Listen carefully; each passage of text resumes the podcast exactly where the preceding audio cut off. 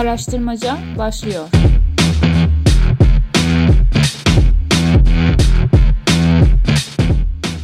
Araştırmacı Podcast'ten herkese selam. Programımızın 3. bölümünde çarpıcı bir araştırmayı konuşuyoruz. Yunus'la bugünkü konuğumuz Derin Yoksulluk Ağı'ndan Selen Yüksel. Hoş geldiniz Selen. Merhaba Yunus. Merhaba. Selen hoş geldin. Hoş buldum. Merhaba. Derin Yoksulluk Ağı Kasım ayında iki önemli rapor yayımladı. Bunlardan biri pandemi döneminde derin yoksullukla mücadele. İkinci ve bugün konuşacağımız rapor ise pandemi döneminde derin yoksulluk ve haklara erişim araştırması. Selen dilersen önce seni ve derin yoksulluk ağını tanıyarak başlayalım. Ben Selen, kuruluşundan beri derin yoksulluk ağında gönüllüyüm aslında. Derin Yoksulluk Ağı da Aralık 2019'da aslında derinleşen yoksulluğu dert edinen birkaç insan tarafından kuruldu. Biz bir araya geldik ve hak temelli çalışmalar yapmak istedik. Fakat Mart ayına geldiğimizde hepimizin bildiği gibi pandemi başladı. Pandeminin başlamasıyla bizim zaten hali hazırda sahada iletişimde olduğumuz ailelerden yaşadıkları durumun daha da derinleştiğini, artık gıda bulamadıklarına, yaşamlarını devam ettiremeyecek noktaya geldiklerine dair bilgiler gelmeye başladı. O noktada aslında derin yoksulluk ağı bir dayanışma ağına dönüştü ve o sırada iletişimde olduğumuz ailelerin acil ihtiyaçlarına yönelik bir kampanya başlattık. Bu kampanya ile birlikte aslında ailelerle olan iletişimimiz de ilerledi ve daha çok aileye de ulaşmaya başladık. Bu süre içinde şimdiye kadar yaklaşık 2000 aileye ulaştık ve ulaştığımız 2000 ailenin içinde genellikle günlük işlerde ve güvencesiz çalışan insanlar, aynı zamanda pandemi döneminde de işlerini kaybetmiş olan insanlar bulunuyor. Biz bütün bu süreçte aslında dayanışmanı yürütürken bir yandan da hep şey kaygımız oldu. Bütün bu yaşananları duyurmak istiyoruz. Bir şekilde aslında burada yerel yönetimlerinde, merkezi yönetiminde bir sorumluluğu var ve bunu da bir şekilde göstermek istiyoruz. Bu kişilerin yaşadığını özellikle pandemi sonrası yaşadığını daha görünür kılmak istiyoruz gibi bir isteğimiz vardı. Onun üzerine aslında bu araştırma fikri ortaya çıktı. Henrik Böll Vakfı'nın da finansal desteğiyle birlikte saha görüşmeleri yaptık ve bu araştırmayı yayınladık. Ve araştırmanın künyesi.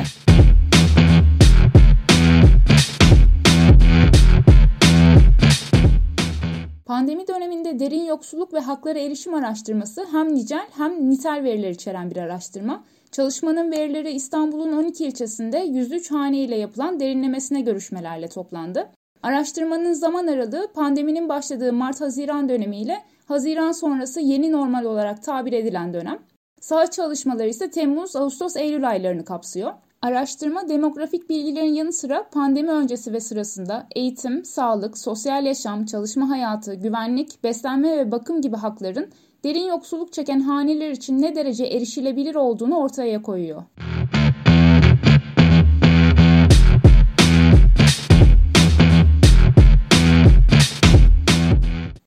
Yoksulluk meselesini aslında insanlara özellikle sizin gibi sivil toplum aracılığıyla daha iyi anlatmak gerektiğini düşünüyorum.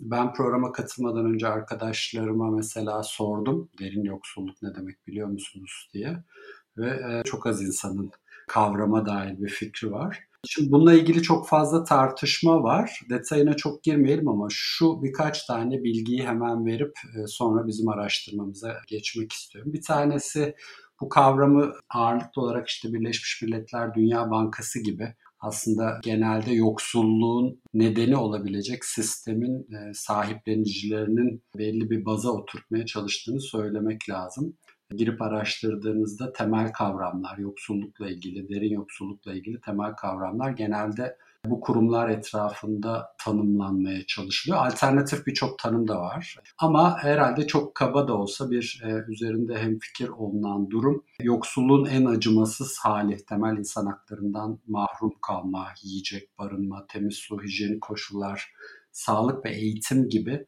çok temel insani haklara erişememe hali olarak tanımlanabiliyor. Bir de yoksullukla ilgili enteresan olabilecek birkaç tane hemen rakam verelim. Sonra bizim çalışmamıza bağlanalım. Dünya Bankası mesela günlük geliri 1.9 dolar. Bugün itibariyle Türkiye'de 15 lira. 15 liranın altında geliri olanları yoksulluk sınırının altında tarif ediyor. 2015 senesi rakamları itibariyle dünyada 734 milyon insan var. Bu sınırın altında geliri olan. Aslında bizim de Türkiye'de e, ne kadar olduğunu bilmediğimiz e, bir e, örneklemden bahsediyoruz. Çin, Endonezya, Hindistan, Pakistan, e, gibi ülkeler, Güney Asya ve Afrika tabii doğal olarak bu derin yoksulluktan en çok etkilenen ülkeler olarak gözüküyor. Aslında bu istatistiklere tarihsel olarak bakıldığında ikinci bir not da şu, 1800'lerle kıyaslandığında. E, bu bakış açısından hareketle dünya daha iyiye gidiyor gibi gözüküyor. Derin yoksulluk ya da bu yoksulluğun en derin halinde yaşayan insanların sayısı mesela 1990'da 2 milyara yakınken tüm dünya nüfusunda 2015'e geldiğinde 730 milyona düşmüş gibi gözüküyor. Ama bölgeler arasında çok farklılık var. Bunları söyleyelim. Türkiye'de derin yoksulluğa ilişkin sizin kuruluşunuzun ve bu raporun çok önemli olması, bir ilk olması belki alanında.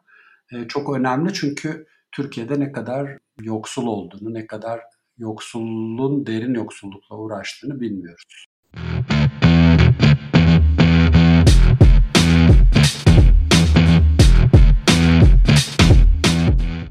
Selen ilk e, bizim araştırmamıza dönersek aslında biraz bize e, bu derin yoksulluğu resmetmeye çalışır mısın? Nasıl hanelerden bahsediyoruz? İnsanların kafasında bir e, bir portre oluşturmaya çalışalım.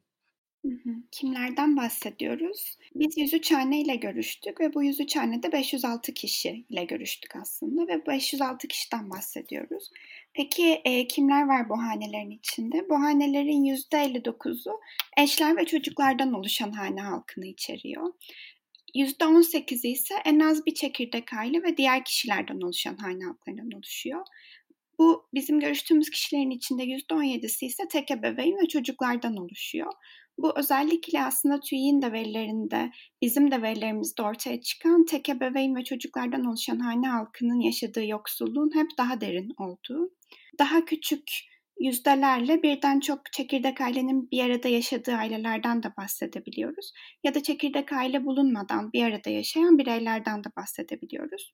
Evde kaç kişi yaşıyor peki görüştüğümüz annelerde genellikle? %38'inde hanede 1 ile 4 kişi arasında kişi bulunuyor. Hanelerin %56'sında ise 5 ile 8 arasında kişi yaşıyor. 8'den fazla kişinin yaşadığı haneler bizim örneklemimizde %9'u temsil ediyor. E, genelde çocuklu aileler olduğunu söylemiştim. Bizim örneklemimizde küçük çocuklar çok fazla. 49 gibi bir oranda.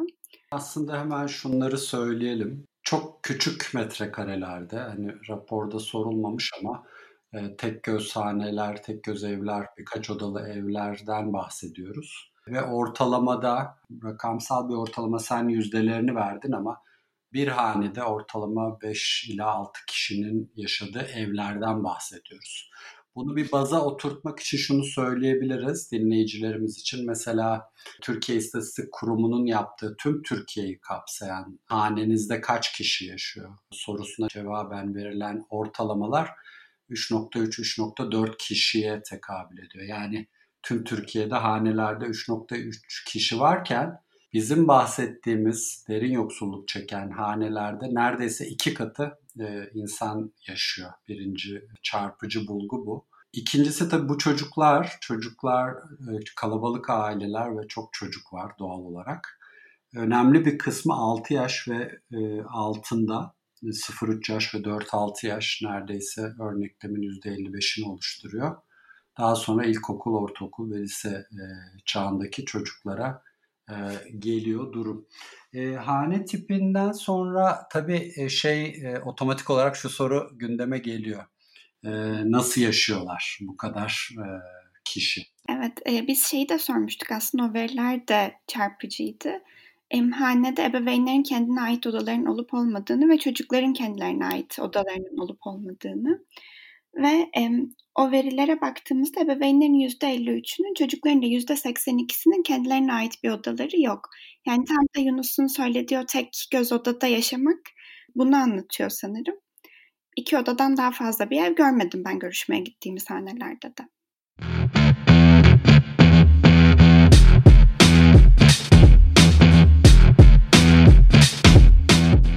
Dilerseniz buradan çalışma durumuna geçelim. Şimdi araştırmaya katılan hanelerdeki yetişkinlerin %64'ü günlük işlerde çalışırken %18'i işsiz, diğer %18'i düzenli bir işe sahip. Çalışanların da neredeyse yarısı kağıt, hurda ve naylon toplayıcılığı yapıyor. Sizin bu görüşme yaptığınız hanelerin gelir düzeyleri nedir ve çalışma durumu ile ilgili neler söylüyorlar? Tabii bunu sorarken az önce Yunus uluslararası verilerden bahsetti. Ben de Türkiye'deki verileri aktarayım. Türk İş Kasım ayı için açlık sınırını 2500 TL, yoksulluk sınırını 8100 TL olarak açıkladı. Sizin bu kapsamdaki bulgularınız neler? Ortalama gelir bizim görüşme yaptığımız örneklemin içinde aylık 700-800 lira ve bu 700-800 liranın içinde aslında sosyal destekler de var. Yani eve giren gelirin ötesinde sosyal desteklerle birlikte hanelere giren ortalama gelir 700-800 lira. Bunun dışında bu gelirin de aylık geldiğini söylemek yanlış olur. Çünkü günlük bir gelirden bahsediyoruz. Zaten haftalık ya da günlük gelirini sorduk biz genelde ailelere. Günlük 10 lira, 20 lira, 50 liradan bahsediyoruz. Biz bunları kendimiz aylık gelire yuvarlıyoruz. Aslında iş bilgisi bölümünde şunu söylemek lazım.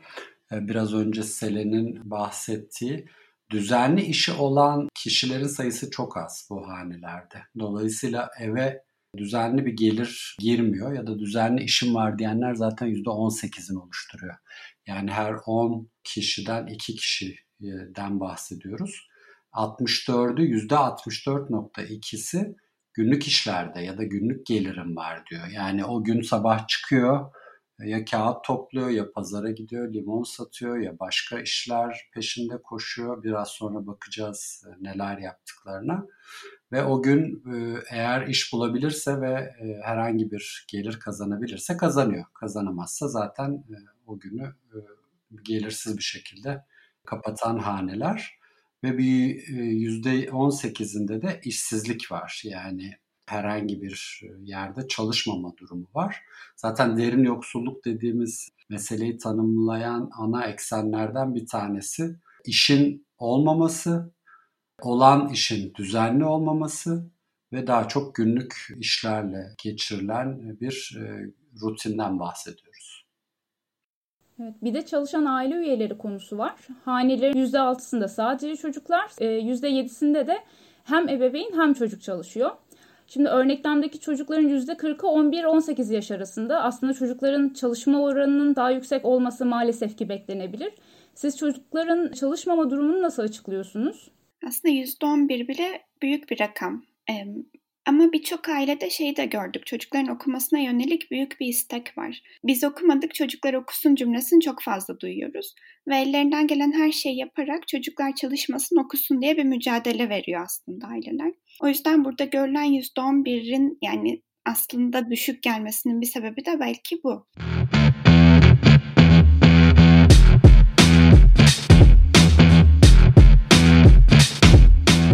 Evet eğitime geçelim.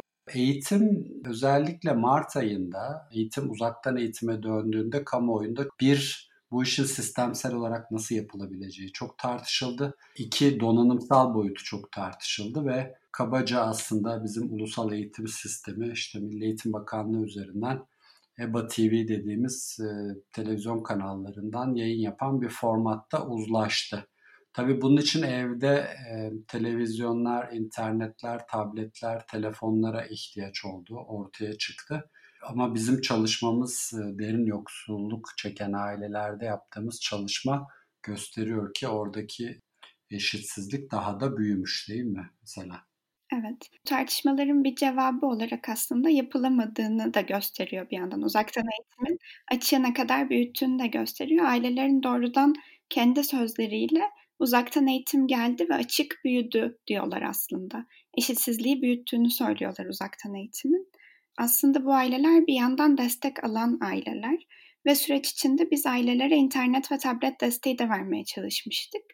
Bütün bunlara rağmen sorduğumuzda uzaktan eğitime devam edebildi mi çocuk diye %58'de hayır cevabı veriyor. Ki e, araştırmanın gösterdiği bir şey de sadece tabletin, internetin, televizyonun yokluğunun ötesinde az önce konuştuğumuz ev şartları da eğitimden uzak tutuyor aslında bu çocukları. Aslında Türkiye'de de durum çok farklı değil erişim konusunda. TEDMEM'in COVID-19 sürecinde eğitim raporunda şu veriye yer vermişler. Çocukların %60'ı EBA'ya giriş bile yapmamış bu süreçte. Dolayısıyla sadece derin yoksulluk yaşayanlar değil, Türkiye genelinde de böyle bir sorun olduğunu altını çizelim. E, burada tabii şöyle bir sıkıntı var. E, bu aileler e, daha yüksek sayıda çocuklar olan aileler. Dolayısıyla aynı hanede birden çok çocuk varsa 2, 3, 4 çocuk ve hepsi farklı seviyelerde okullara gidiyorlarsa işte ilkokul ikinci sınıfa gidenle ortaokul ikinci sınıfa giden bu çocukların hep birlikte eğitimlerini takip edebilmesi için aynı anda birden çok e, cihaza ihtiyacı olması sorununu ortaya çıkarıyor. Dolayısıyla e, bizim buradaki eşitsizliği tarif ettiğimiz noktalardan bir tanesi de bu. Yani bir çocuğu olan bir hanede öyle ya da böyle bir, bir çocuğu bir, bir tabletle buluşturma ya da bir telefon verip takip etmesini sağlama gibi seçenekler mümkünken belki e, ikinci çocuk, üçüncü çocuk, dördüncü çocuklar devreye girdiği zaman tabii bu neredeyse bu e, bu haneler için imkansız hale geliyor.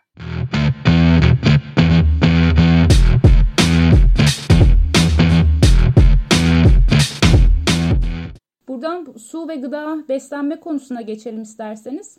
Pandemi öncesinde hanelerin %61'i temiz içme suyuna erişebilirken pandemide bu oran %54'e düşüyor. Besin olarak en çok makarna, pilav, bakliyat, kahvaltılık ve ekmek tüketildiği söyleniyor. Et, süt ürünleri, sebze ve meyvelere erişim çok düşük. Bunun yanı sıra hanelerin yalnızca %20'si öğün atlamıyor.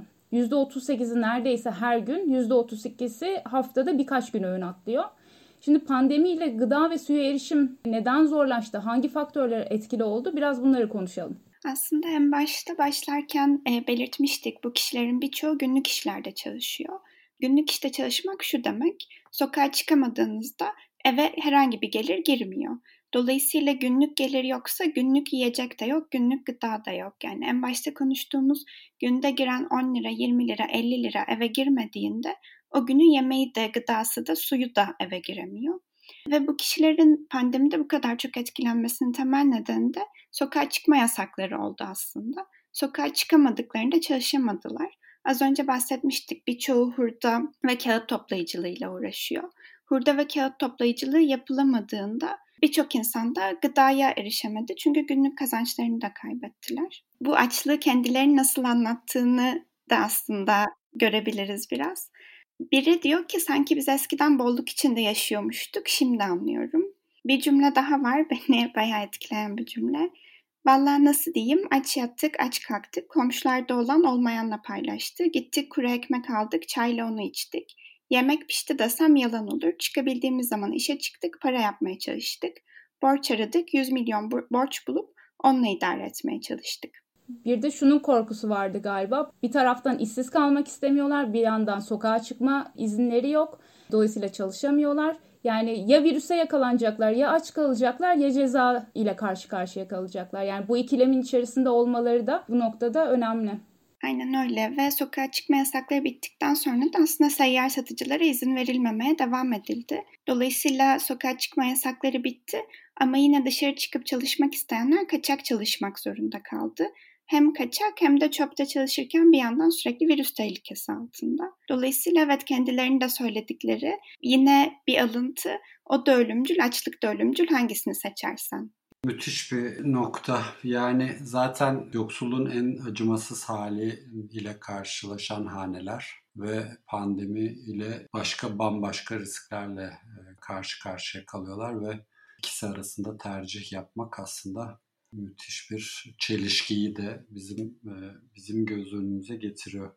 E, ama bu arada bir bir takım destekler de var tabii Selen. E, onlardan bahsetmemiz lazım. Çünkü bu tartışılan konulardan bir tanesi bu derin yoksulluk. İstanbul'un göbeğinde bile görebileceğiniz büyük metropollerde işte köyden kente göçme, Türkiye'nin belki modernleşme süreciyle paralel okuyabileceğimiz bir şekilde nüfusun artması büyük metropollerde ve çok şehir içi gibi göreceğimiz yerlerde işte İstanbul'da, Şişli'de, Beşiktaş'ta, e, Ataşehir'de, Ümraniye'de bile e, gözümüzün önüne e, gelen görüntülerden bahsediyoruz bir tarafıyla. Bir tarafında da aslında yine sizin gibi sivil toplum kuruluşları, belediyeler ve belki de kamu kuruluşlarının buradaki eşitsizliği dengelemek için verdikleri bir takım sosyal destekler de var.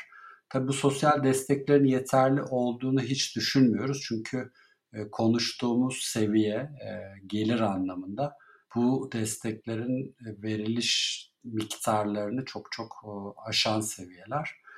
Ama biraz hem desteklerden bahsedelim. Neler alıyorlar? Araştırmanızda sordunuz. Hem biraz o rakamlardan bahsedelim.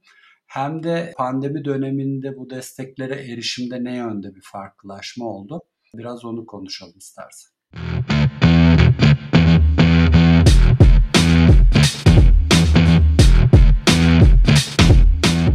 Aslında yoksulluk yaşayan, aynı zamanda derin yoksulluk yaşayan kişiler için de sürekli söylenen ve devam eden bir tartışma bu kişilerin desteklerle yaşıyor oldukları. Bizim çalışmamıza baktığımızda da gerçekten düzenli destek alan çok fazla hane var. Neredeyse konuştuğumuz kişilerin yarısı düzenli olarak destek alıyor. Kişilerin %40'ı İstanbul Belediyesi'nden, %36'sı bireysel kişilerden, %28'i kaymakamlıktan ve %26'sı da diğer devlet kurumlarından düzenli destekler alıyor. Fakat düzenli destek derken neden bahsediyoruzun içinde biraz açmak lazım. Destek alıyorlarsa niye o zaman zorlanıyorlar sorusu da gelebiliyor çünkü. E mesela İstanbul Büyükşehir Belediyesi'nden gelen destek ailelerin birçoğunun aldığı yüzde 40 gibi bir rakam şu an. Market kartı desteği yani markette harcayabilmek üzere aylık 100 lira, 200 lira, 300 lira hanenin büyüklüğüne göre bir gelir alıyorlar. Bir aile şöyle anlatıyordu. Evet İBB kart veriyor 200 lira. Ben onunla iki, iki peynir bir ekmek alıyorum. Sonra ne olacak? Ama senin de söylediğin gibi Yunus pandemide bazı değişiklikler oldu. E, pandemiyle birlikte bir kriz durumuna yönelik aslında acil destekler de ortaya çıktı. Ama yine sorduğumuzda bu destekler ne kadar yeterli oldu diye yine e, açlıklarını ve aslında o desteklere ulaşamamayı da duyduk bir taraftan. Şöyle bir durum var. Dinleyicilerimizle hazır bu konuyu konuşurken belirtmek lazım. Kampanyalar çok işe yarıyor. Hani belli dönemlerde hadi böyle bir tablet ihtiyacı var çocukların eğitimi için. işte telefon, tablet, televizyon ihtiyacı var gibi. Ama tabii bu bahsettiğimiz grup derin yoksullukla yaşayan hanelerdeki temel ihtiyaçlar o kadar minimal düzeyde ki bu hanelerin Tabi bu da ayrı bir tartışma konusu. Bu hanelere düzenli olarak yardım yapılması ve o düzenliliğin esirgenmemesi e, önemli bir şeye geliyor. Yani hanelerin %50'si destek almıyor mesela. Hani destek alanlar %50'si doğru ama %50'si almıyor. Alanların aldıkları destekler çok düşük. Bireylerden gelen destekler düzenli değil. Özellikle bizdeki yardımlaşma ve hayırseverlik kültürü daha çok tek seferlik yardımlara e, bina ediliyor biliyorsunuz. Hani e, bir sefer yardım ediyor aile ama hani ikinci sefer ya da üçüncü sefer o yardımlar kesilebiliyor. Ya da öğrencilere verilen burslar bu şekilde. Bir yıl devam ediyor ama ikinci yıl devam etmiyor gibi. E, burada konuştuğumuz grubun, e, sizin özellikle çalışma alanınız olan grubun ihtiyaçlarının düzenli bir şekilde karşılaşmasının karşılanmasının çok elzem olduğunu belirtmek lazım. Dolayısıyla bu, bu alanda çalışan sivil toplum kuruluşlarında benim de arkadaşlarımın hep önemsediği ve vurguladığı şey şu. Yani lütfen düzenli yardım edin. Evet bizim de bu dönemde yürütmeye çalıştığımız kampanyanın içeriğinde aslında aileleri en azından her ay desteklemek vardı. Biz gıda desteğine yoğunlaştık bu dönemde. Çünkü en temel ihtiyaçtı. Ama gıda da yine bir kere gittiğinde, bir koli gittiğinde aileye, o gıda bittiğinde tekrar aynı noktaya geri dönüyor aslında.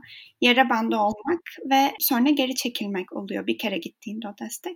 Dolayısıyla düzenli destekleyerek ancak ailelerin güçlenmesine, ailelerin durumlarının biraz daha kendilerini idare edebilecek bir noktaya gelmelerine destek olabiliriz. O yüzden her zaman bizim de vurguladığımız bir şey düzenli olarak destek olabilmek. Burada e, yine aslında devlet kurumlarından da belediyelerden de gelen destekleri desteklerin düzenli olduğunda ailelere bir katkısı olabildiğini görüyoruz. Kendileri de aynı şeyi anlatıyorlar zaten. Katılımcılardan biri şunu da söylemişti. Ben devletten niye yardım isteyeyim zaten kendim çalışıyor olabilsem diye. Aslında çalışmanın önemi de burada devreye giriyor ve o yardıma muhtaç olmak değil ya da dönem dönem gelen yardımlara dayalı bir şekilde hayatını sürdürmek değil onların da tercihi. Dolayısıyla buradan aslında öneriler kısmına da geçebiliriz. Çünkü çalışma imkanlarının artırılması anlamında yapılabilecek çok fazla şey var. Belediyelere, yerel yönetimlere neler düşüyor bunları konuşalım. Başlarken de bu çalışma alanı ile ilgili bir parantez açayım. Şimdi pandemi görüştüğünüz hanelerin önemli bir bölümünde işe devam edememe sorununu yarattı. 67'si hatta bu dönemde çalışamadığını, %16'sı da işten çıkarıldığını belirtiyor. Pandemi sürecindeki adımlara baktığımız zaman da Türkiye ilk vakayı 10 Mart'ta açıkladı. Sonrasında işte sokağa çıkma yasakları geldi. 17 Nisan'da önemli bir nokta var. Cumhurbaşkanı kararı ile iş kanununda geçici bir madde eklendi ve işten çıkarma yasağı getirildi. Şimdi bu yerinde bir müdahale fakat mevcut işsizlikleri vurgulaması bağlamında bence çok önemli. Çünkü hali hazırda bir iş güvencesi olan, düzenli çalışan ya da sigortası yapılan kişiler bu düzenlemelerden faydalanabildi. Yani sistemin içindeki kişileri korudu bu düzenleme diyebiliriz. Ve sistemin en savunmasız olanları için bir tedbir değildi bu. Dolayısıyla derin yoksulluk da aslında tam da bu noktada başlıyor. Dolayısıyla politika enstrümanlarının hani farklı kesimler üzerindeki etkisini belki de defalarca sınamak zorundayız. Onların da yaşam koşullarını göz önünde bulundurarak. Sizin politika enstrümanlarında ya da sosyal desteklerde mevcut eşitsizlikleri sürdürmesi bakımından gördüğünüz, gözlemlediğiniz kısıtlar var mıydı? Aslında çok önemli bir şeye değindin Müge. Bu özellikle pandemi döneminde şey gördük. Birçok sosyal destek var ama kişiler ulaşamıyorlar, başvuru yapamıyorlar. Bunları gördük. Ve neden başvuru yapamadıklarını incelediğimizde ya da onlara sorduğumuzda ortaya çıkan bir şey başvuru kriterlerinin aslında bu insanların yaşadıkları durumu görmüyor olması. Sanki yaşadıkları durum o kadar görünmez, o kadar tahayyül edilemez bir noktada ki sosyal destek almaya bile uygun görülmüyorlar. Mesela ikamet adresi bir tanıdığının, bir akrabasının yanında göründüğü için, kendi ikamet adresi bulunmadığı için destek alamıyor. Ya da az önce bahsettiğim gibi işsizlik destekleri de. İşsizlik destekleri pandemi döneminde işini kaybeden insanlara verildi. Ama zaten sigortalı çalışıp işini kaybeden insanlara verildi. Sigortası olmadan günlük çalışan insanlar bu işsizlik desteklerine de başvuramadılar. Yani oradaki açık giderek daha da büyüdü. Sosyal destek kısmında da yine görülmeyen bir tarafta kaldılar.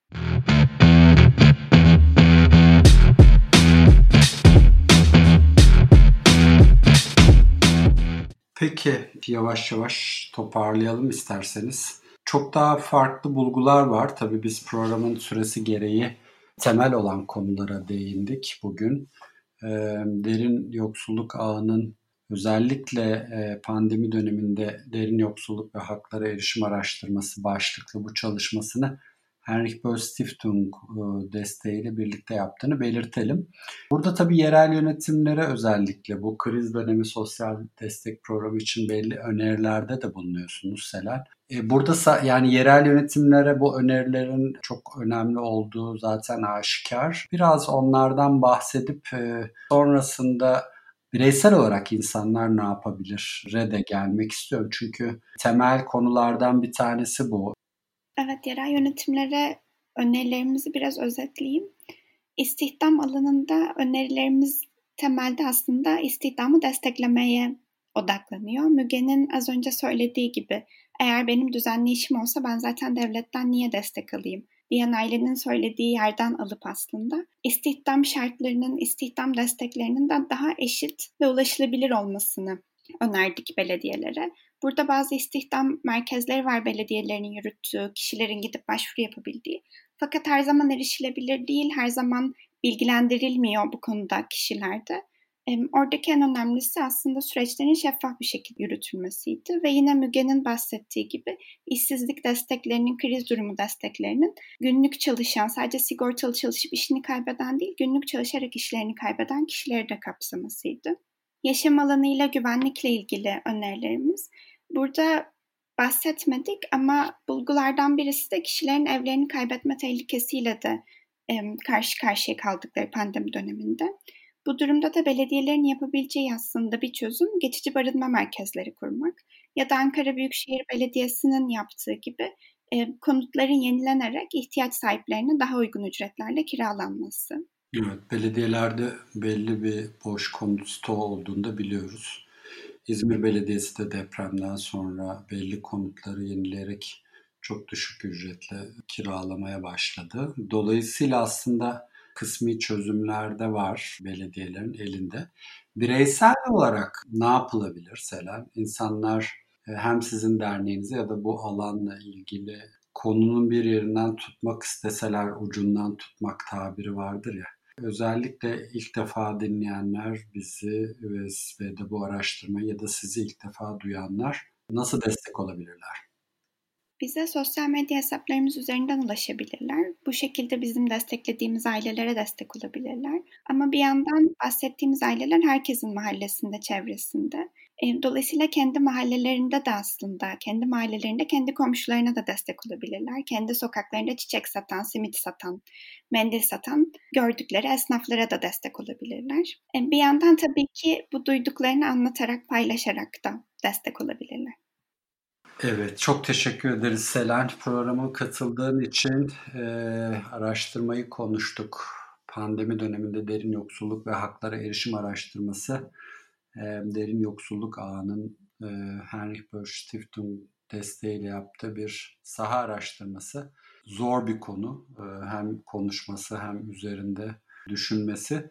Ama bu veriler bize hem yerel yönetimlerin hem insanların hem kamu kuruluşlarının ya da farklı disiplinlerde çalışan kurum ve kişilerin diyelim e, neler yapabileceğine dair bir yol haritası çizmesi açısından çok önemli. Umarız daha az üzerinde tartışacağımız bir konu olur ve dünyadaki derin yoksulluğu ve yoksulluğu gittikçe azaltmayı başarabiliriz. Çok teşekkür ediyoruz programa katıldığın için. Teşekkür ederim. Selen çok teşekkür ediyoruz katıldığın için. Derin Yoksulluk Ağı'na da teşekkür ediyoruz buradan. Ee, izleyicilerimizi de Twitter'da araştırmacı hesabına, Instagram'da da araştırmacı podcast hesabına bekliyoruz. Bir sonraki bölümde görüşmek üzere. Hoşçakalın.